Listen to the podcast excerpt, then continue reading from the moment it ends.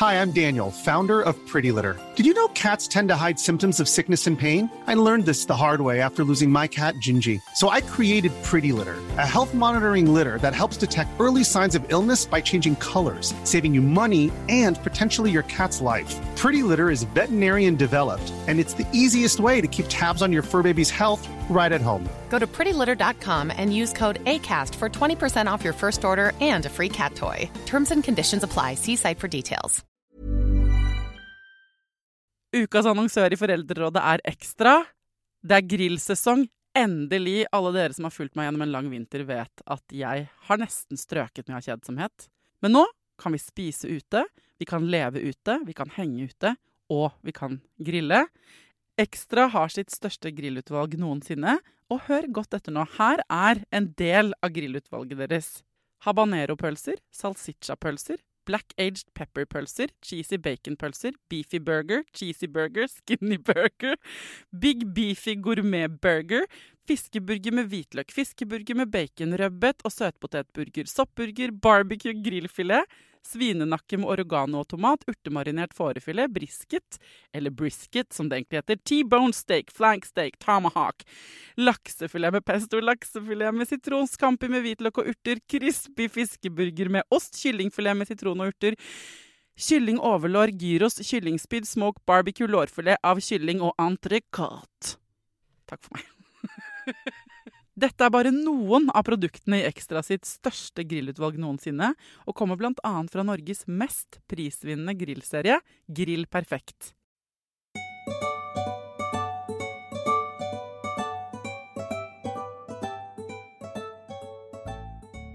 Jeg så en meme på Instagram her forleden. En som traff meg rett i hjertet, delte den eh, også. Altså, det, eh, det sto It takes a village to raise a child. Og så var det en video av en desperat mamma, helt utslitt desperat mamma, uh, som ropte på den villagen. For hvor i huleste er den landsbyen egentlig, når man trenger den? Stemmer det at det før i tiden var idylliske små landsbyer som tok vare på ungene eh, våre, og på oss? Eller var det ikke bedre før i tida? Og hvordan kan vi eventuelt gå frem nå, i 2023, for å få det fellesskapet eh, vi trenger for å oppdra både unger og stå i tidsklemma og rett og slett bare klare hverdagen?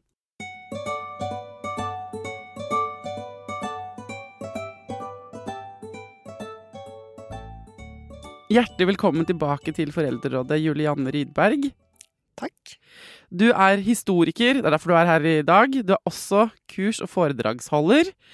Du er veldig, veldig kul eh, på Instagram. Du har en konto som heter Historisk morskap, som jeg eh, anbefaler alle å følge.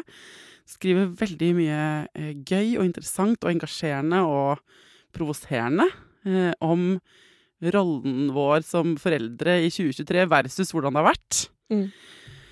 Og så er du samfunnsdebattant. Men i bånn er du altså historiker. Ja. Og du er her i dag fordi vi har hatt en utveksling på Instagram, du og jeg, Ja. Om dette begrepet 'It takes a village to raise a child'. Men hvor i helvete er den villagen i 2023? Det er et langt svar. Ja. Vi, må, vi må bryte det litt opp. ja. Fordi vi, vi to hadde en eh, sånn utveksling av et meme som, har gått, som er en, sånn, eh, en skrikende mamma Mm. som leter etter denne villagen, denne landsbyen som skal hjelpe henne. Og, finner den ikke. Det er ganske morsomt uh, meme som uh, jeg vet, Kanskje du som hører på, ikke har sett det, men du kan kanskje se det for deg. Um, og hvor- kommer det begrepet fra i utgangspunktet? It takes a village to raise a child? Det er et afrikansk ordtak. Oh, ja. Det er ganske gammelt. Jeg vet ikke helt når det har oppstått. Det, det er faktisk Jeg har, jeg har granska litt, og det er faktisk forska på opprinnelsen. Og, eh, og de har funnet ut at den, den springer ut fra så veldig mange ulike steder i Afrika, og det er litt sånne ulike variasjoner i hvordan de bruker det, men de har ikke klart å finne helt akkurat hvor og når. Hvem liksom sa det? Nei, Mm. nei ok. Men, det, eh, men eh, grunnen til at vi bruker det, er vel fordi det er litt sånn Det var ikke bare fra Afrika, det var sånn man oppdro unger. Nei. Det, det er jo en, en, en sånn, mer sånn filosofisk måte å tenke på. Et verdisett i hvordan vi tenker vi skal leve og sameksistere i gruppe. og det ansvaret vi har felles, som er å ta vare på hverandre og leve i fellesskap. Og, Men historisk sett, da, hvordan har vi oppdratt eh, ungene våre eh, på en måte? og det, det er veldig mange måter man har oppdratt unger på. Eh, det kommer litt an på hvilken, hvilken retning vi vil gå i, fordi barneoppdragelse før har jo vært eh, veldig kjipt. Så vi skal, ikke- så, vi skal ikke gå så veldig inn på selve oppdragelsesstilen, men heller kanskje denne tanken om hvordan man skal leve i fellesskap. Fordi når man har eksistert eh, Hvis vi for eksempel hvis vi tar et sånt startpunkt, eller sånn krysningspunkt det her er rundt 1750, som er sånn, det vi regner som starten på den industrielle revolusjonen, går vi før det, så levde vi jo i, i hvert fall i Europa, i føydale samfunn. Ja. Som uh, Og som jeg ikke elsker når du begynner med den historietimen. Det det dette her elsker jeg. Og jeg, jeg, mm, jeg, eh, så før 1750, Ja. før vi begynte på den industrielle revolusjonen i føydalsamfunnet, Ja. fortell, hvordan var det? Ja, så det var ikke så veldig gode kår. Det var veldig, veldig store klasseforskjeller. Du hadde eh, Du hadde jo eh, folk som For å forklare det veldig enkelt folk som eide store gårder. Og de leide ut landene sine til bønder. Som fikk lov til å bo på små, kjipe gårdsbruk. Og så, og så jobba de på jorda. Og så betalte de skatt til kirke, de betalte skatt til staten, og så betalte de til storbonden, da. Og, men i, fordi at det var, så, det var så utrolig vanskelig og tøft å overleve på denne tida, for det her var Vi, vi snakker om den tida før poteten også var kommet til Norge. Kom på, til Norge på 1500-tallet. Det var veldig lite ressurser. Det var stor knapphet i det meste. Så hva gjorde vi da for å overleve? Vi måtte bruke hverandre. Vi har ikke hatt landsbystrukturer i Norge. Vi har hatt Nærmest vi kommer, det er klyngetun. Klyngetun. Klyngetun er sånne bitte små eh, strukturer av små hus som står tett i tett. De kan spores tilbake til middelalderen. Eh, du finner noen levninger av de på, jeg tror det er på Vestlandet. Men utover det så har vi jo bodd i distrikter. Men vi har jo fortsatt eh, altså Vi bor jo tette på hverandre i byer i Oslo, for eksempel. Men du Mm. har jo ikke den fellesskapsmentaliteten som man hadde før. Du måtte lene deg på hverandre, man måtte hjelpe hverandre. Hvis ikke så overlevde man ikke. Nei. Nei, så det var sånn at eh, hvis eh, du og jeg bodde på et sånt klyngetun, da, eller i distriktene på hver vår gård, la oss si vi var sånne Vi var ikke sånne storbønder, Julian. Vi var Mm. sånne Hva var det? Leilendinger? Ja. ja. Sånn som leide jorda, og som eh, levde, levde i sånne fattigslige kår.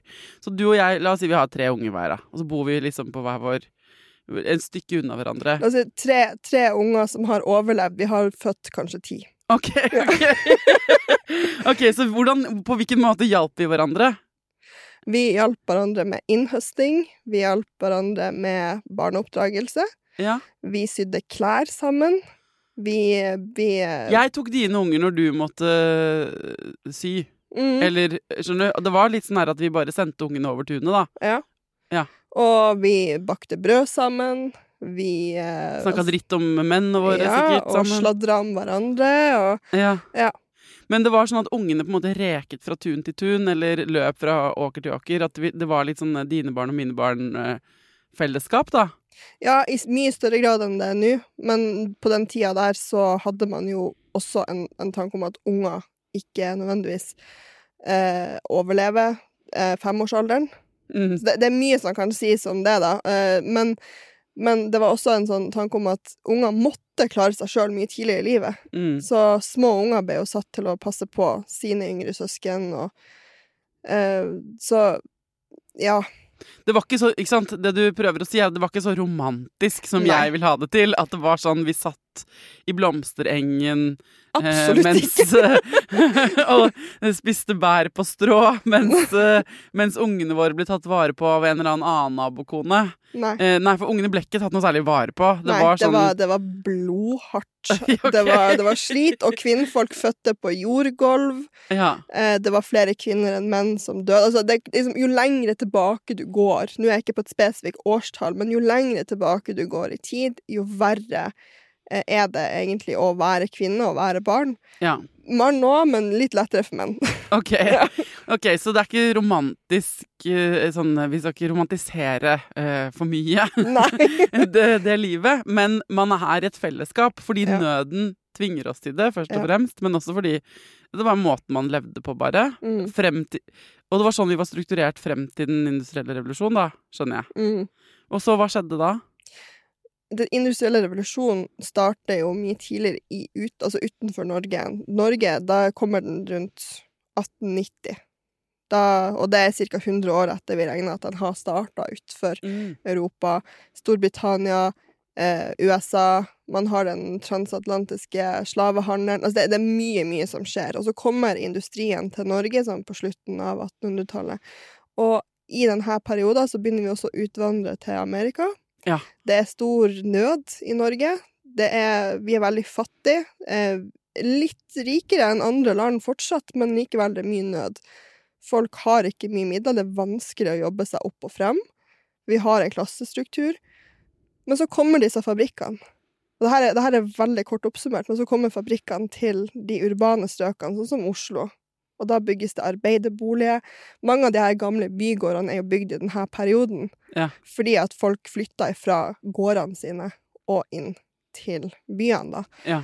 Eh, og det endrer jo måten man lever på. Så det, det, det skjer noe i utviklinga av kapitalismen. Så begynner vi gradvis å endre måten vi lever på. Det påvirker oss den dag i dag fortsatt. For den urbaniseringa, som har vært i hvert fall en hundreårig prosess, vi urbaniseres fortsatt. Ja. Ok, så hva skjer i denne villagen, da, i dette landsbyfenomenet, på en måte? Den der, det fellesskapsfølelsen. Hvordan påvirker industrialiseringa fel det fellesskapet?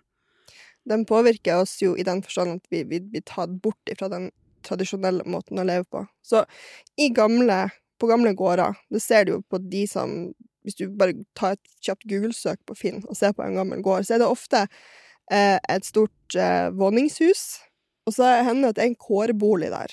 Ja. Kårboligen er jo der bonden flytter når de blir for gammel til å ta seg av gården. Så flytter eh, barn og svigerdatter inn i våningshuset. Så man bodde tettere på familien sin før Mm. i tida. Det var sånn, Gården gikk gjerne i arv, du hadde denne odelsretten og dette. Så man var flere generasjoner i ett eh, Ja. hus, på en måte, eller Ja. på et tun, da. Mm. Mm. Og det, det fases jo gradvis ut når vi begynner med urbanisering. Ja, så hva skjer hvis du eh, med en gang så, altså, se, Alle har vel sett sånne gamle filmer fra, eh, sant, folk, altså fra gamle bygårder. Da flytter man jo inn med alle unger og det ene med det andre inn i sånne oppganger. Mm. på en måte, I Oslo, eksempel, eller Kristiania. Og da er det jo fortsatt sånn at eh, ungene reker rundt. I forhold til dette her eh, 'hvem passer på ungene våre'? Mm. Men, men hvordan, så hvordan endret familielivet seg sånn på akkurat det? Kvinner begynner å jobbe i fabrikker. Noen av dem, i hvert fall. Og, og barn begynner å jobbe. Altså, vi snakker ned i treårsalderen. Unger jobber. Ja. Det er barn som jobber i gruvedrift. Ehm, altså på denne tida så, så må folk bli voksen mye tidligere. Mm. Det er ikke veldig barnevennlig, samfunnet vårt. Og fedre jobber lange skift opptil 15 timer i døgnet. Dette, og det er for små penger. Det er jo en grunn til at vi har hatt uh, arbeideropprør, og at vi har, har fagforening i dag, og alt det her. Altså, uten at vi skal gå inn på arbeiderhistorie, for det er ikke mitt sterkeste fagfelt. Men, men uh, det er en grunn til at alle disse tingene er på plass. Det var blodslit. Mm. Det var tøft, og det endra måten vi levde på, i den forstand om at det ble mye mer avstand. Selv om vi bodde tettere fysisk, så var det mye større eh, du kan si sosial eh, avstand mellom oss. For Mm. vi, vi, vi dro ikke lasset i lag på samme måten, og flytta inn i små leilighetskompleks og måtte gjøre det man kunne for å, for å overleve. Og etter hvert som tida går, vi begynner liksom å komme inn i det moderne Altså alt etter 1750 regnes som moderne verdenshistorie, men det som blir nærmest vår levetid i dag, så får vi mer teknologi, og alt, og, og mer kapitalismen er jo liksom mye mer satt. Vi arbeider ikke på gården, nå- forlater vi hjemmet for å dra ut og arbeide. Det, det gjør jo også at da er ikke livet vårt å arbeide skulder til skulder med den som bor tettest på oss. Da skal Nei. vi ut. Så det, det blir en sånn gradvis distanse hele veien Mm. til alle menneskene rundt oss. Og det her er jo en så veldig gradvis prosess, det er jo ikke noe vi har tenkt og vært veldig bevisst over. Det har ikke vært noen som er sånn OK, hva, hvordan organiserer vi livet perfekt? Det har ikke vært en sånn masterplan liksom, bak Nei. dette. OK, så hvordan øhm, Så sakte så blir det bl- Men blir det mindre landsby Altså mindre og mindre landsbyfølelse selv om man bor tettere og tettere, da? Ja. Ja. Det gjør jo det, fordi vi får, når vi blir mer organisert La oss si, nå har vi fått eh, fagforeninger på plass, vi har fått åtte timers arbeidsdag, betalt lunsj, vi har ferie. Alle de her godene har kommet på stell fordi at noen har kjempa de frem. Ja, vi hopper en 100 år frem, ja, liksom. altså, Mm. det- I dette tilfellet, så, sånn rundt 1890, så snakker vi ja, okay, la oss si 50-60 år frem i tid. Så, så begynner det gradvis å bli sånn at kvinner kjemper for rettigheter til å være deltakende i arbeidslivet. Etter hvert så får vi barnehageordninger, den slags. Vi får mer velferd, fordi vi også finner, finner frem litt olje i, i Nordsjøen. Vi får mer velstand. Så hva, hva innebærer egentlig det? Det innebærer at vi har mer fritid, vi har mer velstand, men vi har også det- All den, den fritida bruker vi på å selvrealisere oss. Ja. Og da kommer det her, det her konsumet. Vi har råd til å kjøpe oss ting. Ting må vedlikeholdes. Vi har råd til å reise rundt og gjøre ting, dra på ferie. Så vi bruker tida på oss sjøl, i stedet for at vi må samarbeide for å få hverdagen til å gå rundt. Ja, men de, noen av de velferdsordningene vi har, da, som eh, skal ta over for den villagen, som jeg nå egentlig skjønner at det ikke var en village, det, kanskje var det det i Afrika, men det var jo ikke så veldig village-aktig heller i, i Norge. Eh, sånn i forhold til Det høres ikke idyllisk ut, det barnepasset vi hadde før den industrielle revolusjonen heller. Um, men eh, det, blir bare mindre og mindre av det fellesskapet, og så prøver vi å Mm. sette det vekk til velferdssamfunnet. ikke sant? Det er derfor vi Mm. har barnehager og skoler. Så det er et oppbevaringssted for barna våre, og et utdanningssted, selvfølgelig. Veldig viktig å få det ja. Eh, mm, sånn at noen andre tar vare på dem, sånn at vi kan reise av gårde og eh, både selvrealisere oss, men også jobbe og tjene penger. For å understøtte dette livet, som vi ender med å ha sammen noen timer hver dag, da. Mm. Ikke sant, alle sammen. Da har jeg forstått det riktig, ikke sant? Så vi har sett vekk en del av oppgavene. Vi lager på en måte en slags kunstig village i liksom barnehager og skoler. Ja, det er jo et velferdssystem som, som, er, som er til stede for at vi Først og fremst, vi ser jo at når vi investerer i velferd, så forbedrer det folkehelsa. Når folk har bedre folkehelse, så blir de bedre skattebetalere. Det er, høres veldig kynisk ut, men det er jo sånn det må være for at Mm. vi skal kunne ha det her samfunnet til å gå rundt. Eh, men det som er veldig viktig å understøtte, det er at selv om velferdsordningen er på stell, så erstatter jo ikke det de nære relasjonene. Og selv om det har vært veldig tøft å leve før i tida og det, det her er, Jeg liker det her ordtaket. Du skal ikke kaste babyen ut med badevannet. Du skal ikke liksom være så kjapt ute med å kvitte deg med alt som har vært kjipt før i tida. At du også fjerner det som er av verdi. Mm. Fordi det jeg tenker som er verdifullt, og som vi kan liksom gå litt på shopping i fortida for å hente tilbake, det er det her viktigheten med å bruke hverandre. Ja. Fordi det, det handler ikke om å utnytte andre. Det handler ikke om å bruke andre til din fordel. Det handler om at når vi gjør ting sammen, så får vi også sterkere relasjoner. Vi lærer oss å samarbeide, vi får bedre sosial kompetanse. Og da er jo spørsmålet hvordan kan vi ta det tilbake i den tida vi lever i nå, når så mange mødre er ensomme, og Ja. føler seg alene. Fordi det er jo hele poenget her, er at jeg opplever i hvert fall at både selv og eh, på tross av at jeg har denne podkasten og snakker med så mange eh, andre, og vet så veldig godt at jeg ikke er alene. Fordi jeg vet at vi Eller vi er alle alene, på en måte, men den følelsen av at man er litt alene om å streve med det man strever med når man har eh, et problem hjemme, da. Eller eh, står i en tøff periode med en unge eller to, ikke sant. Eh, den ensomhetsfølelsen, den føler jeg er symptomatisk. Og jeg ser den overalt. Hvordan ser du den fra ditt perspektiv? Er du enig? Ser du det samme? Ja, og jeg, jeg prøver å se den fra veldig mange ulike perspektiver på samme tid. I samfunnet vårt i dag så er folk veldig opptatt av at vi må ha én fasit, ett svar som, bare, som, som gir oss en, en forklaring på hvorfor alt er sånn som det er. Men når du tenker på historie, så er det ikke helt sånn det funker. Og det er litt kjedelig for folk, da detter folk litt av. Men når du tenker historisk på et problem i samfunnet, så må du se det fra veldig mange ulike perspektiver på samme tid, og så må du se, se det i en lang prosess. Så det er mange grunner til at ting er sånn som de er, men eh, jeg hadde en sånn anekdote som er litt sånn interessant, for jeg var på festival i sommer. Og når jeg var på tur hjem, så var det jeg og noen venninner, vi tok taxi. Og taxisjåføren var fra Somalia. Og så var jo vi veldig nysgjerrige på hvordan For han hadde ikke bodd i Norge i så mange år.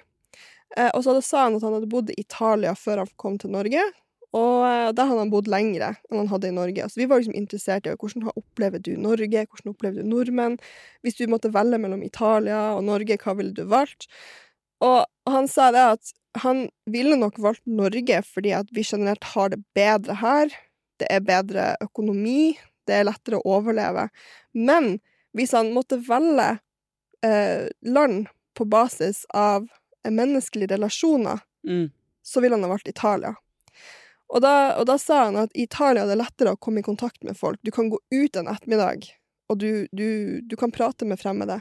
Mm. det er ikke noe problem. Folk er sosiale, folk er imøtekommende. Det er bare en sånn integrert del av kulturen deres. Mens nordmenn er så lukka. Ja. Og vi er så Vi er veldig hyggelige, sa han. Han liker nordmenn veldig godt. Men han syntes at det var vanskelig å komme i kontakt med nordmenn. Og så spurte jeg eh, bare sånn fordi at jeg var så nysgjerrig I Norge har vi veldig mye depresjon og angst. Det er jo nesten en folkesykdom her. Så jeg Mm. lurte på hvordan er det i, eh, i Somalia? Og så sa han at i Somalia har vi så mye mindre, men jeg ser nesten alle deprimerte mennesker. Nei. Nei. Og det er Jeg så en sånn eh, Dette kan hende Dette er kvasikunnskap, for dette har jeg bare sett på Instagram. Mm. I en sånn liten video. Men det var en sånn teori på hvorfor vi er mer lukkede i skandinaviske land. Mm. Og det er fordi eh, eh, teorien går på at vi ble st stappa sammen i små hus fra mørketiden kom til mørketiden dro, som er mange måneder. Så Mm. bodde vi i disse fattige Vi slekter på de som overlevde de vintrene i bitte små hus. Og for å, for å ha det For å ikke klikke i vinkel, så måtte du ha ganske eh, flatt temperament inni de små husene, for ellers hadde alle tatt livet av hverandre. Så hvis, eh, I eksempelet her, og jeg kom på det nå fordi du sa Italia Hvis en flokk italienere eller brasilianere med liksom fyrig temperament hadde vært sperret inne i en hel mørketid sammen i en liten inn, Mm. Sperret inne av snøen og, um, og ikke hatt noe særlig mat, så hadde de tatt livet av hverandre, var denne teorien da på Instagram. eller de, og sånn at de fyrigste av oss, de overlevde ikke, men de som var ganske flate og lukka, og sikkert hang til depresjon, men som eh, stoisk vikingsagaaktige. som ikke hilser på fremmede, som ikke kaster oss om halsen på noen. Vi? Det er, de, det er de vi slekter på. Vi slekter jo på de som overlevde, og de som overlevde, var de som, eh, som hadde ja, eh, tilbøyeligheten til å faktisk kunne stå i det drittværet Mm. i alle de månedene og de eh, kjipe kårene der, da. Og dette her er igjen kvasikunnskap fra Instagram. Men jeg har ikke tenkt på hvem vi slekter på. Og vi slekter jo i dette landet ikke på de som lå under eh, oliventrær i sola. eh, Og hadde store romantiske eskapader og ikke sant, sånn derre de, eh, Sommeren er dritkort, Mm. så vi, måtte, vi måtte ha et avbalansert temperament for å overleve her i nord. Mom deserves the best, and there's no better place to shop for Mother's Day than Whole Foods Market. They're your destination for unbeatable savings, from premium gifts to show-stopping flowers and irresistible desserts. Start by saving 33% with Prime on all body care and candles. Then get a 15-stem bunch of tulips for just $9.99 each with Prime. Round out Mom's menu with festive rosé, irresistible berry chantilly cake, and more special treats. Come celebrate Mother's Day at Whole Foods Market. Hey, I'm Ryan Reynolds. Recently, I asked Mint Mobile's legal team if big wireless companies are allowed to raise prices due to inflation. They said yes. And then when I asked if raising prices technically violates those onerous two year contracts, they said, What the f are you talking about, you insane Hollywood ass? So to recap, we're cutting the price of Mint Unlimited from $30 a month to just $15 a month. Give it a try at mintmobile.com slash switch. $45 up front for three months plus taxes and fees. Promo for new customers for limited time. Unlimited more than 40 gigabytes per month. Slows. Full terms at mintmobile.com. Ukas annonsør i Foreldrerådet er Nextory. Det er en lydbok- og e-bok-app. Altså, du kan både høre på bøker og lese dem på telefonen din eller nettbrettet ditt. Og akkurat nå så får du 45 dager gratis, både til deg som kanskje har prøvd Nextory før, men også til deg som er helt ny. Jeg digger at også de som har prøvd det før, får lov til å prøve igjen. For å få 45 dager gratis, gå inn på nextstory.no foreldrer. Nextory har tusenvis på tusenvis av bøker du kan lytte til eller lese. Og i dag har jeg tenkt å anbefale eh, noen bøker som eh, faller innenfor det som kanskje kalles selvhjelpsbøker. Men den kategorien har jo litt ufortjent dårlig rykte, spør du meg. Den første boka jeg vil anbefale, er boka som heter 'Psykolog med sovepose'. Johanne Refseth, som har skrevet den boka, var jo gjest her for noen uker siden. Den er absolutt verdt å lese eller lytte til. Andre anbefalingen jeg vil gi deg, er Sissel Grans bok 'Men størst av alt er begjæret', som handler om det å begjære noen andre enn den du er sammen med. Og jeg har også laget en episode med Sissel Gran om det temaet for et par år siden. Den boka er fantastisk. Hvis du har lyst til å prøve ut Next Story for første gang, eller eh, har prøvd ut før, men vi prøver det ut igjen helt gratis i 45 dager, gå inn på nextstory.no skråstrek foreldrer. Jeg syns det høres veldig logisk ut. Ja. Og det, det der syns jeg er så spennende å snakke om, fordi at um, jeg tror ikke vi kan endre den, den der nordiske tankegangen. Det tror, det tror jeg ikke. Den tror jeg bare sitter så i ryggmargen på oss. Men jeg tror det vi kan ta tilbake små ting her og der som kan ha veldig stor uttelling i livene til enkeltmennesker. Veldig stor uttelling. Og da, og da tenker jeg på sånne ting som for eksempel, jeg bor på ei bygd i Horten, og eh, nærmeste nabo er 100 meter unna. Det er et eldre ektepar. Og vi ser ikke hverandre så ofte, men eh, når de kommer på besøk, så har de med seg grønnsaker fra grønnsakshagen, uten at vi har spurt om det. Eller eh, de har en gård, så jeg trengte et lass med høst, hestemøkk til kjøkkenhagen. Så tok han traktoren, og så kjørte han, og så lempa han dette er så koselig! Det er Det er ikke sånn i Asker. Det er ikke det sånn nei, i Asker, der hvor jeg bor. Nei, men det, det er de her små tingene det her som, kan, som bare vitner om at jeg ser deg og dine behov. Og jeg er veldig opptatt av hvordan det her kan implementeres i barseltida. For jeg mener at den ensomheten som kvinner føler når de er i barsel, det er også et sånt symptom på hvor ensom vi er i alle overganger Mm. som vi ikke markerer. Og hvis man er det i barseltida, tenk hvordan det da blir i alderdommen. Det, det der er jeg litt sånn opptatt av de her litt eldre kvinnfolkene som sitter og kaller mødre for sutrete og, og sånn.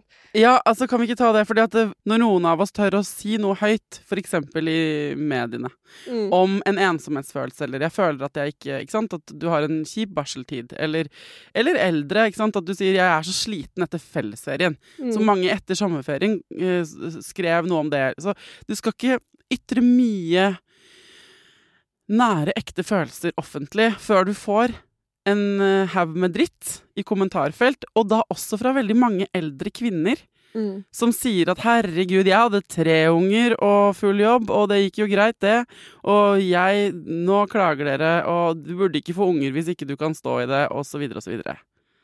Hva handler det om?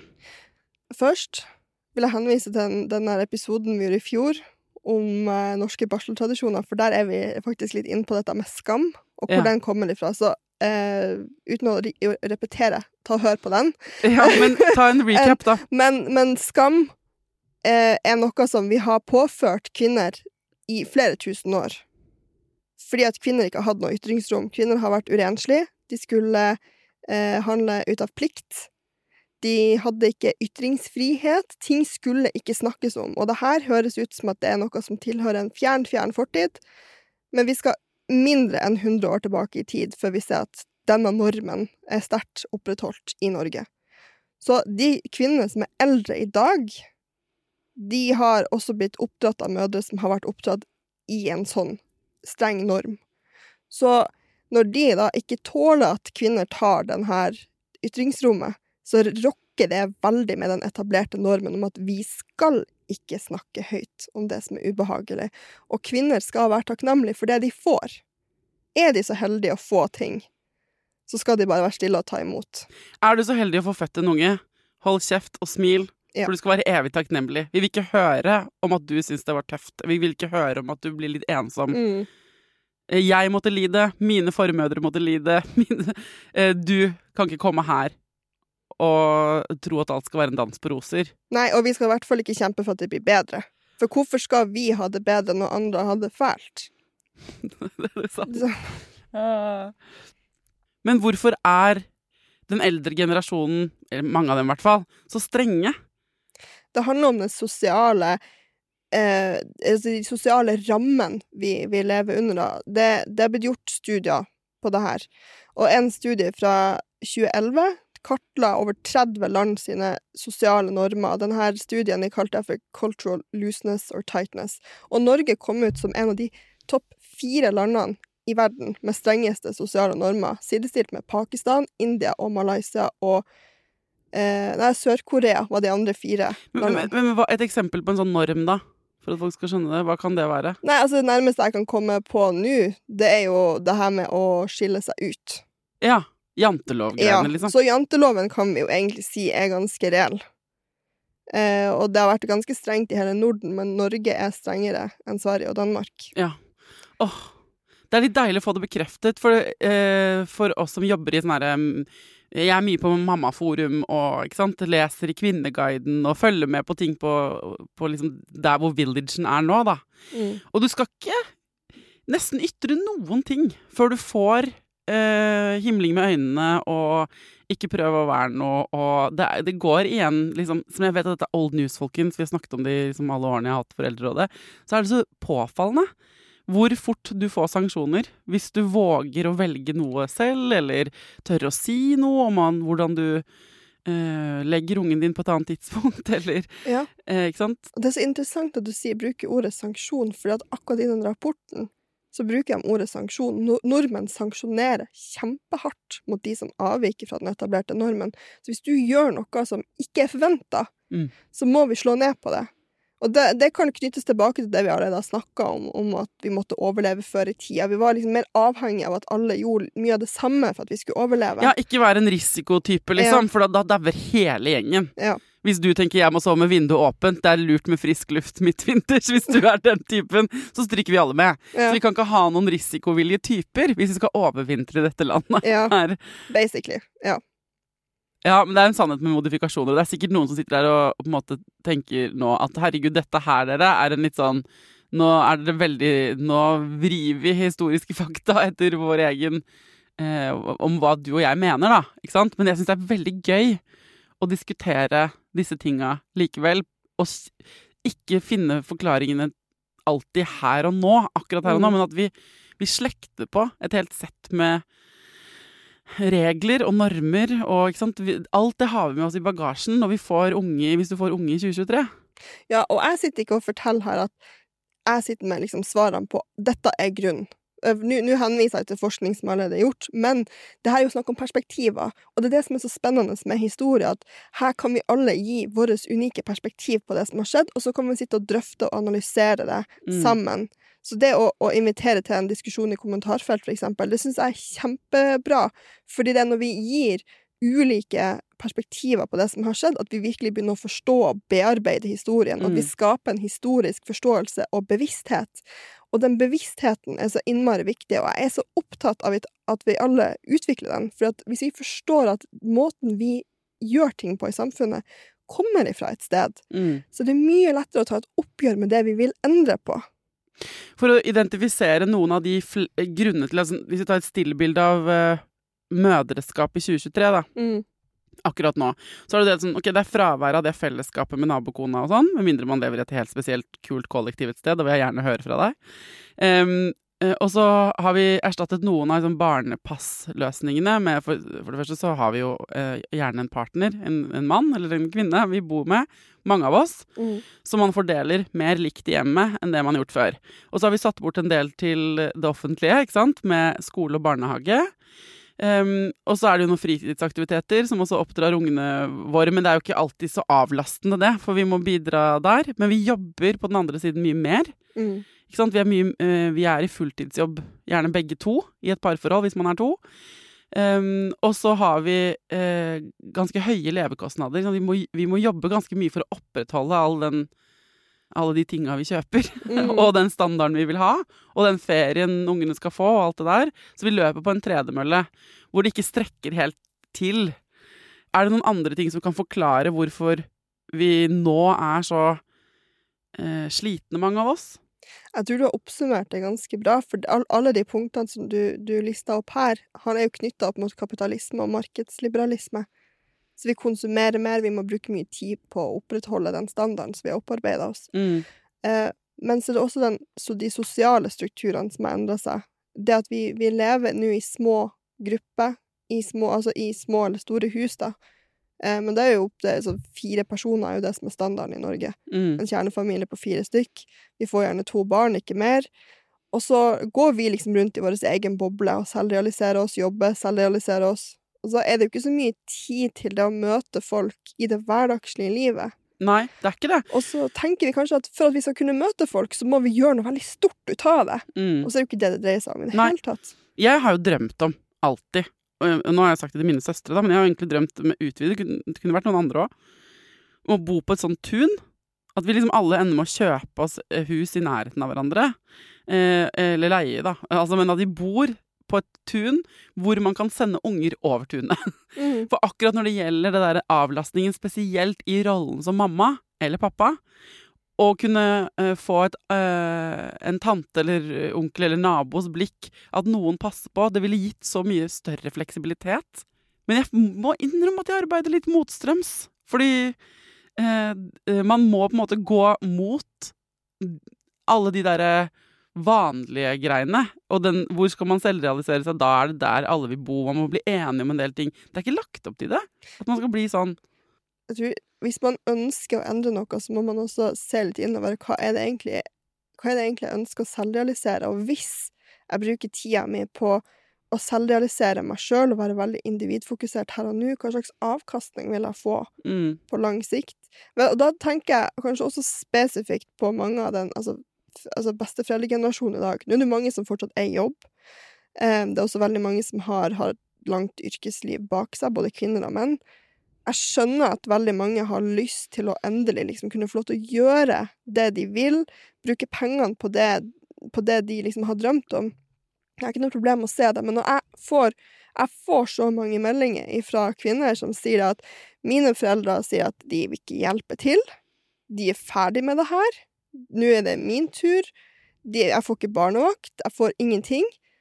Og så tenker jeg, det du da gjør, er jo å la være å investere i din egen alderdom. mm, For det er ikke pensjonsfondet som kommer til å holde deg i hånda når du ligger på dødsleie. Nei.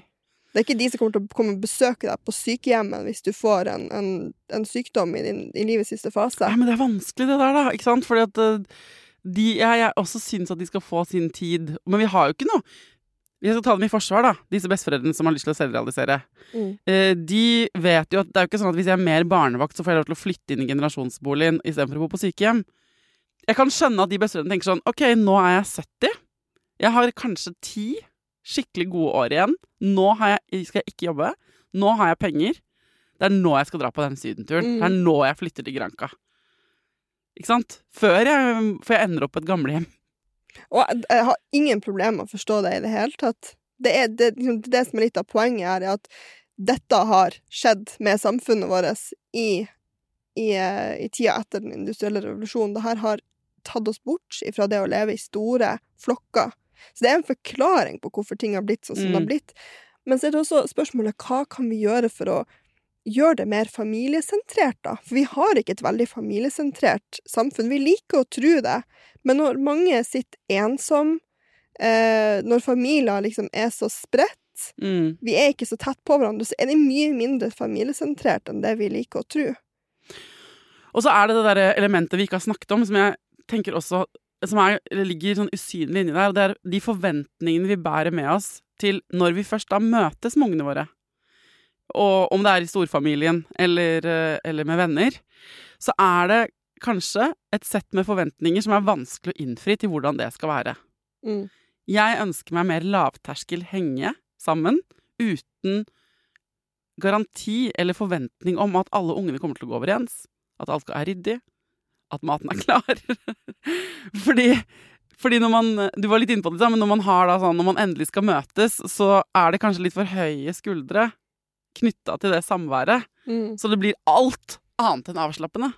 For du må eh, skaffe deg fri og tid, og så må det ryddes, og så må du organisere, og så må noen Skal det være kjempegøy for barna, og de må Altså, vi har noen forventninger man ikke hadde før, da, kanskje, på samme måten. Der, der har jeg, da kan jeg trekke frem et eksempel fra mitt personlige liv. da. Jeg har jo ei barselgruppe fra første svangerskap for fire år siden. Og, um, og der er vi fem som går kvinnsterke igjen fra den barselgruppa.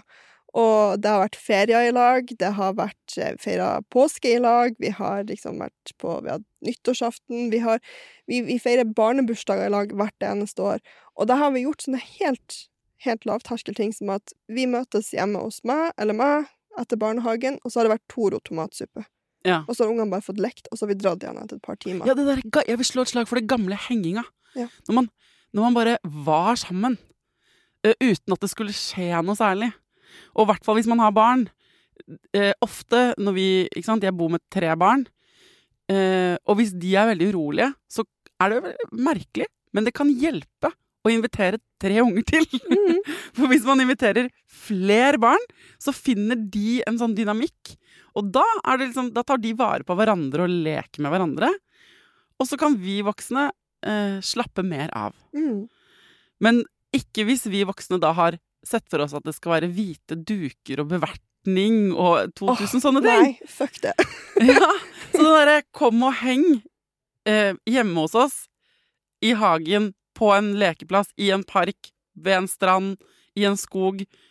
Jeg skulle ønske det var mye mer av det i, i livet, da.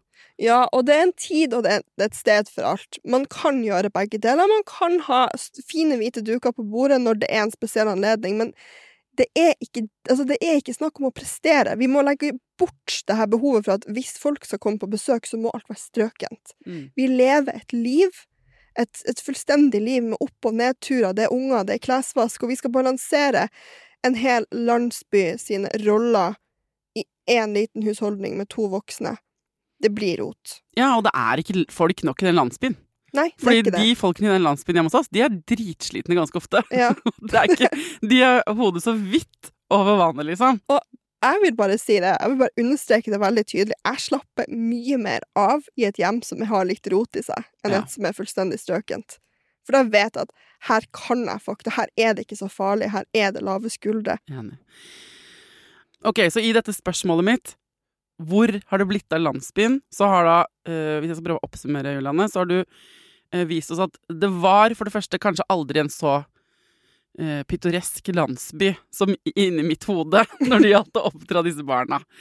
Eh, men vi har vært tvunget gjennom historien til å samarbeide, vi mødre og mennesker, familier imellom, for, eh, for å ikke stryke med. Men eh, da vi fikk arbeidsplass andre steder enn hjemme gjennom den industrielle revolusjonen, så ble hele den eh, strukturen vi hadde ordna oss, endra på. Og nå er det sånn at den er ikke der, den landsbyen vi egentlig skulle ønske oss eh, for å oppdra ungene våre. Vi har satt det ut til kjempebra barnehager og kjempebra skoler, eh, hvor fantastiske pedagoger har som jobb å gjøre en stor del av den, det arbeidet. Men vi har kanskje glemt å kaste ut noen babyer med badevann i forhold til sånn fellesskapsfølelse. Og det er derfor vi sitter på hver vår tue og føler oss litt alene, da. Um, og så har du kommet med noen forslag til tiltak. Det syns jeg er veldig kult. Uh, det der, Hvis man har en barselgruppe, eh, senk skuldrene. Hvis du liker de folka, liksom, eh, lag et opplegg. Finn deg en landsby. Ikke sant? Bygg den landsbyen sjæl. Det trenger ikke å være verdens beste jenter eller verdens beste naboer. Det handler om å på en måte bare ha noen andre Nettopp. et annet par sett med hender. Eh, noen å gråte til. Noen som deler frustrasjonen din over eh, hverdagens kjas og mas, Mm. og som du kan le hardt av i liksom sånn, med sånn galgenhumor når ting ikke går Ja. som det skal. Det er nesten den viktigste funksjonen. Og det å ha et Når du er mor, og du skal gjennom Det er så mye greier som følger det å være mor. Det å ha noen som, som du vet at her kan jeg si akkurat det jeg trenger å si, Mm. og blir ikke fordømt.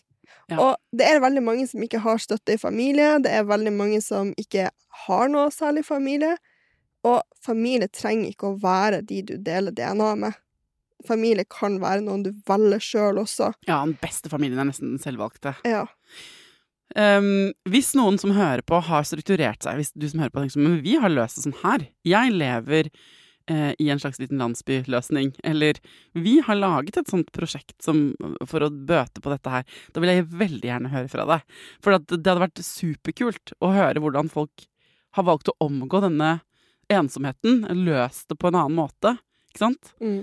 Eh, enn vi som jo tross alt er ganske urbane typer, da, selv om du bor i en landsby på en måte nå. Ja. så er vi jo ikke sant? Jeg representerer i hvert fall, skal innrømme det, et veldig sånn eh, Oslo-perspektiv, selv om jeg nå har flytta til Asker. Så hvis noen der ute har bare Ja, men vi har jo tenkt på dette for lenge siden, og her er det generasjonsboliger, og vi hjelper hverandre, og sånn og sånn. Send meg en eh, DM, liksom. Send meg en melding på Instagram. Ok, Julianne. Du har jo laget din egen lille landsby i sånn morskapssirkel. Det må du reklamere hardt for.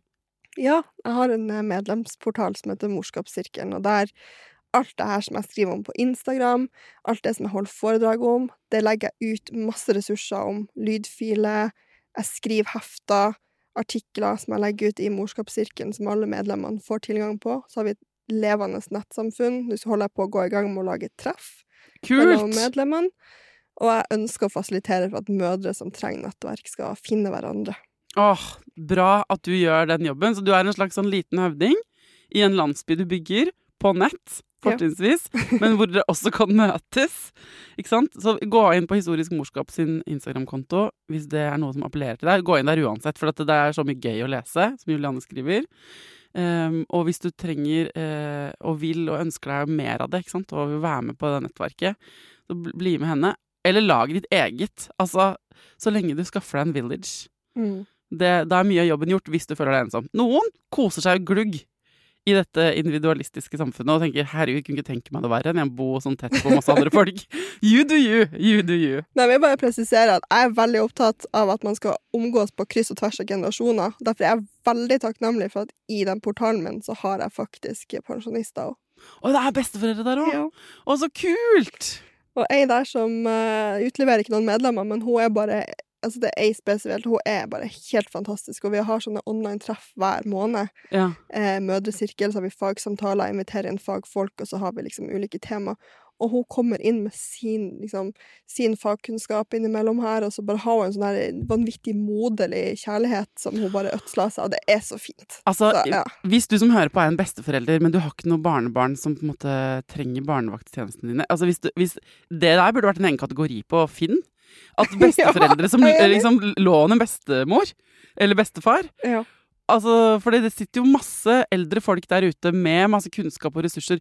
For de har vi ikke snakket om. Alle de som ønsker å stille opp, men som ikke har barn eller barnebarn, eller som eh, eh, ikke har noe godt forhold til sine egne unger, da. Eh, altså, det, det er noen ubrukte ressurser i den eh, eldre generasjonen Det det. som jeg tenker at eh, de, det vil bøte på deres ensomhetsfølelse, og på vår ikke sant, tidsklemme. Hvis Mm. vi kunne forent krefter. Og jeg så for det. Ah, tenk så Ja. kult det hadde vært. Ja, det hadde vært helt nydelig. Ok, tusen takk for uh, at du er en liten høvding og lager en village, Juliane. Takk for at jeg fikk komme hit.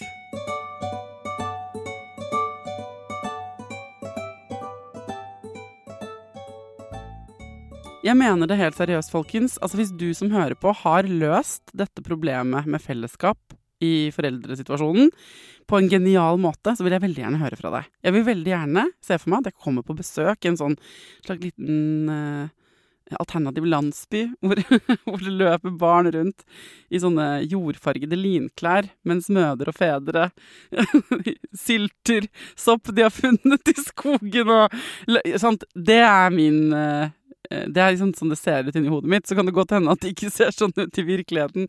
Men hvis du har organisert og fått det til på noe vis, å lage dette fellesskapet som Julianne og jeg nå eh, sitter og ø, lengter etter og ønsker oss, eh, så vil jeg gjerne høre fra deg. Det hadde vært inspirerende og gøy.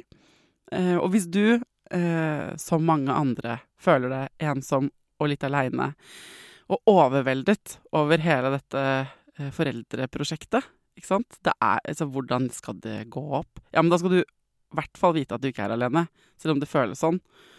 For det er derfor vi snakker om det her i Foreldrerådet. Det er så mange av oss som eh, ser på kjærestene våre på kveldstid, eller ser oss i speilet når vi pusser tenner og tenker sånn Hva i all verden? Hvordan skal jeg få til det her? Dette går ikke. Jeg føler ofte at jeg har med meg et sånt sånn her kamera som de har med de som er på sånn realityshow, vet du. Og av og til så ser jeg liksom, liksom litt inn i den linsen og sier sånn What the fuck? Dette her vet ikke jeg hvordan jeg skal løse. Jeg, jeg, jeg har det liksom blikket inni det kameraet, dette fiktive kameraet, ti-tolv ganger om dagen, jeg tenker. I en sånn en vanlig hektisk tirsdag. Ja, Så du er ikke alene om å synes, det, øh, om å synes at det er litt mye. Hvis det er noen temaer jeg kan hjelpe deg med, noen spørsmål du har, en ekspert du gjerne skulle hørt rådene til, en gjest du vil at jeg skal ha i studio, send meg en melding på Instagram på Foreldrerådet-kontoen der. Så er min jobb å skaffe dem. Det er det jeg gjør. Jeg skaffer til veie de menneskene du vil høre fra.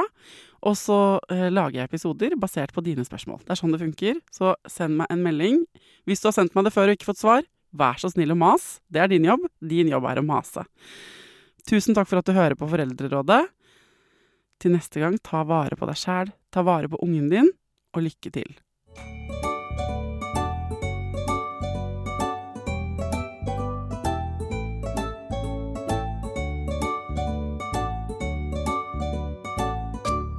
Produsert av Klinge.